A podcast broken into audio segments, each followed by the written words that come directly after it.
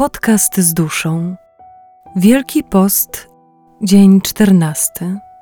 Filoteusz z Synaju. O tym, jak osiągnąć stan wyciszenia.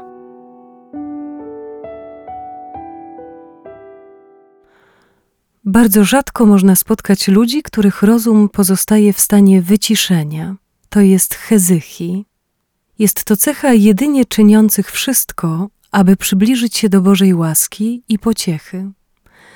Jeżeli chcemy przyjąć sposób życia w Chrystusie, duchową ascezę polegającą na straży umysłu i czujności, rozpocznijmy tę drogę od powstrzymywania się od nadmiaru pożywienia.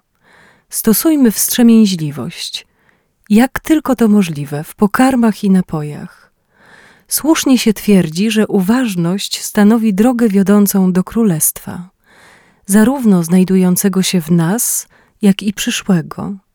Jest ona również ascezą duchową, o ile kształtuje i oczyszcza skłonności umysłu oraz przemienia je, wiodąc od stanu namiętności do wyciszenia. Podobna jest do oświetlonego okna, z jakiego wychyla się Bóg i ukazuje się umysłowi.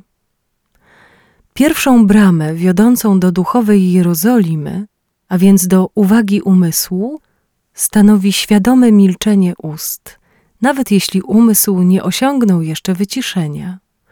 Drugą jest odpowiednia wstrzemięźliwość w pokarmach i napojach. Trzecią nieustanna pamięć i rozmyślanie o śmierci, które oczyszczają umysł i ciało. Zawsze pragnąłem, aby owa, jak powiedziałem, córa Adama, mam na myśli pamięć o śmierci, była mi towarzyszką życia. Chciałem z nią zasypiać i rozmawiać oraz razem dochodzić tego, co się stanie, gdy opuszczę ciało.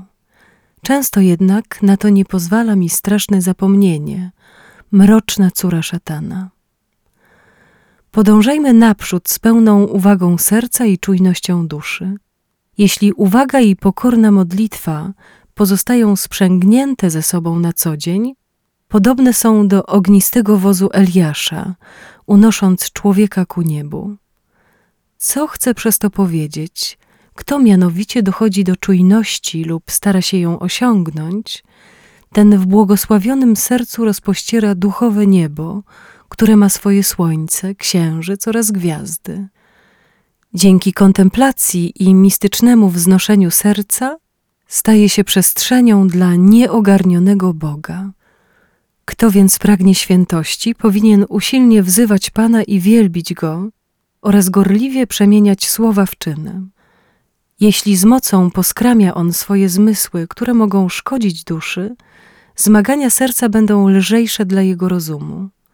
Wszystkie myśli, które pochodzą z zewnątrz, odeprzyj, stosując uwagę umysłu. Te zaś, które wskutek nich rodzą się w Twym wnętrzu, zwalczaj duchową i świętą metodą. Oddal przyjemności, podejmując trud czuwania, bądź wstrzemięźliwy w spożywaniu pokarmów i napojów oraz umartwiaj ciało, aby przez to lżejszą stała się walka duchowa. W ten sposób wyświadczysz dobro jedynie sobie samemu.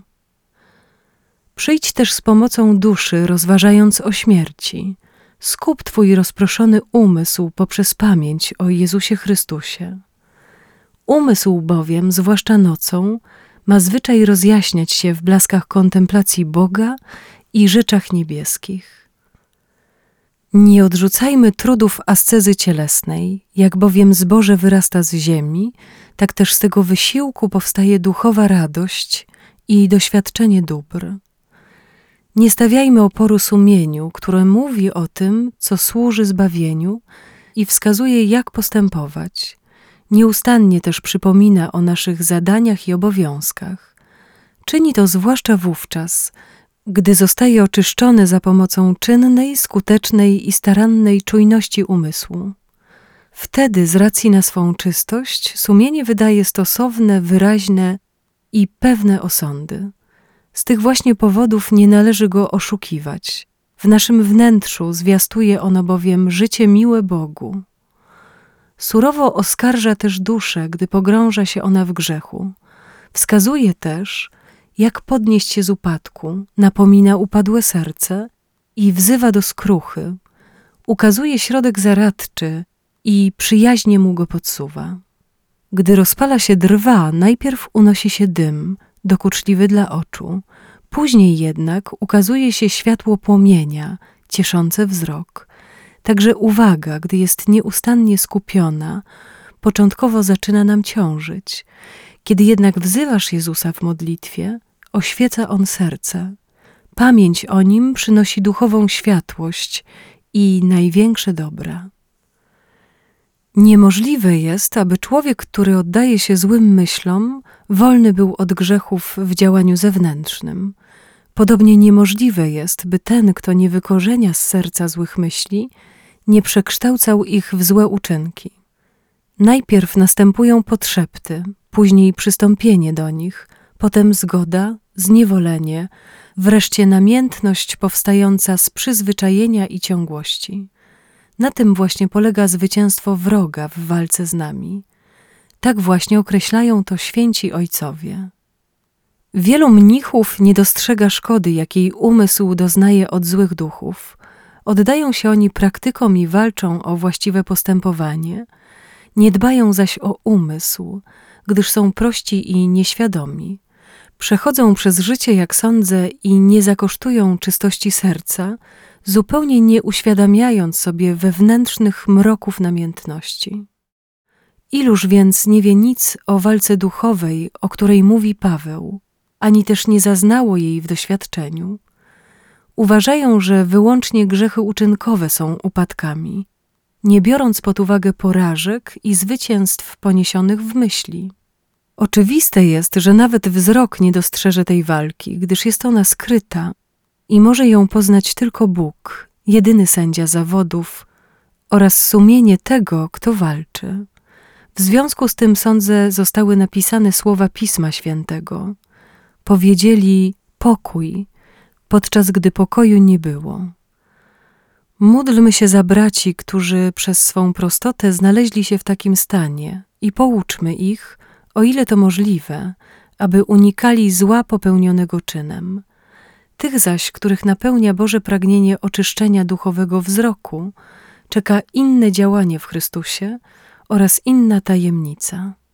Ze wszystkich sił trzymajmy się Chrystusa, by się obronić przed tymi, którzy ustawicznie usiłują wyrwać go z duszy.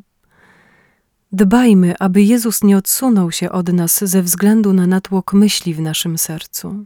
Nie jest zaś możliwe trzymać się go ze wszystkich sił, jeśli dusza nie dołoży trudu. Miejmy w pamięci Jego życie w ciele, abyśmy nasze wiedli w pokorze. Trzymajmy się też Jego męki, byśmy mogli znieść utrapienia, starając się Go naśladować. I skosztujmy Jego niewymownego miłosierdzia, które kazało Mu zstąpić na ziemię ze względu na nas.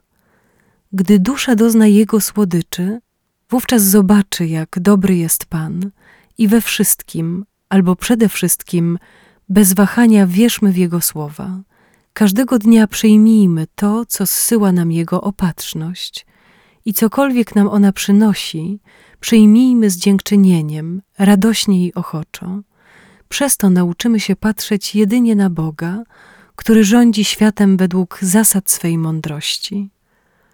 Radosna pamięć o Bogu, a więc więź z Jezusem, połączona ze stanowczością serca i zbawienną surowością, niweczy wszelkie zniewolenie myśli, knowania, wyobrażenia i ciemne złudzenia.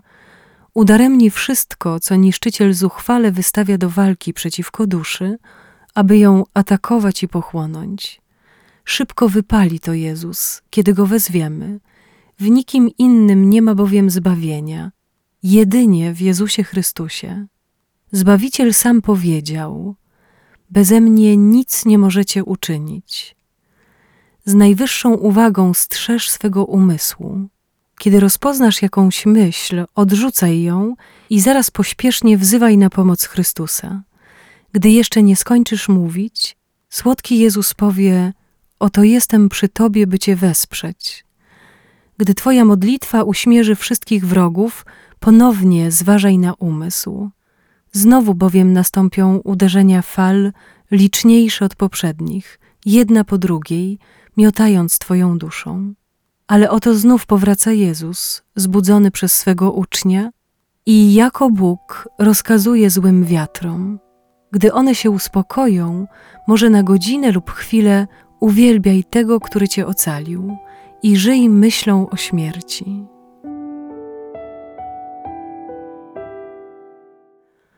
Fragment pochodzi z książki Nowa Filokalia Droga do modlitwy serca księdza profesora Józefa Naumowicza, wydanej przez wydawnictwo Esprit. Więcej informacji na www.esprit.com.pl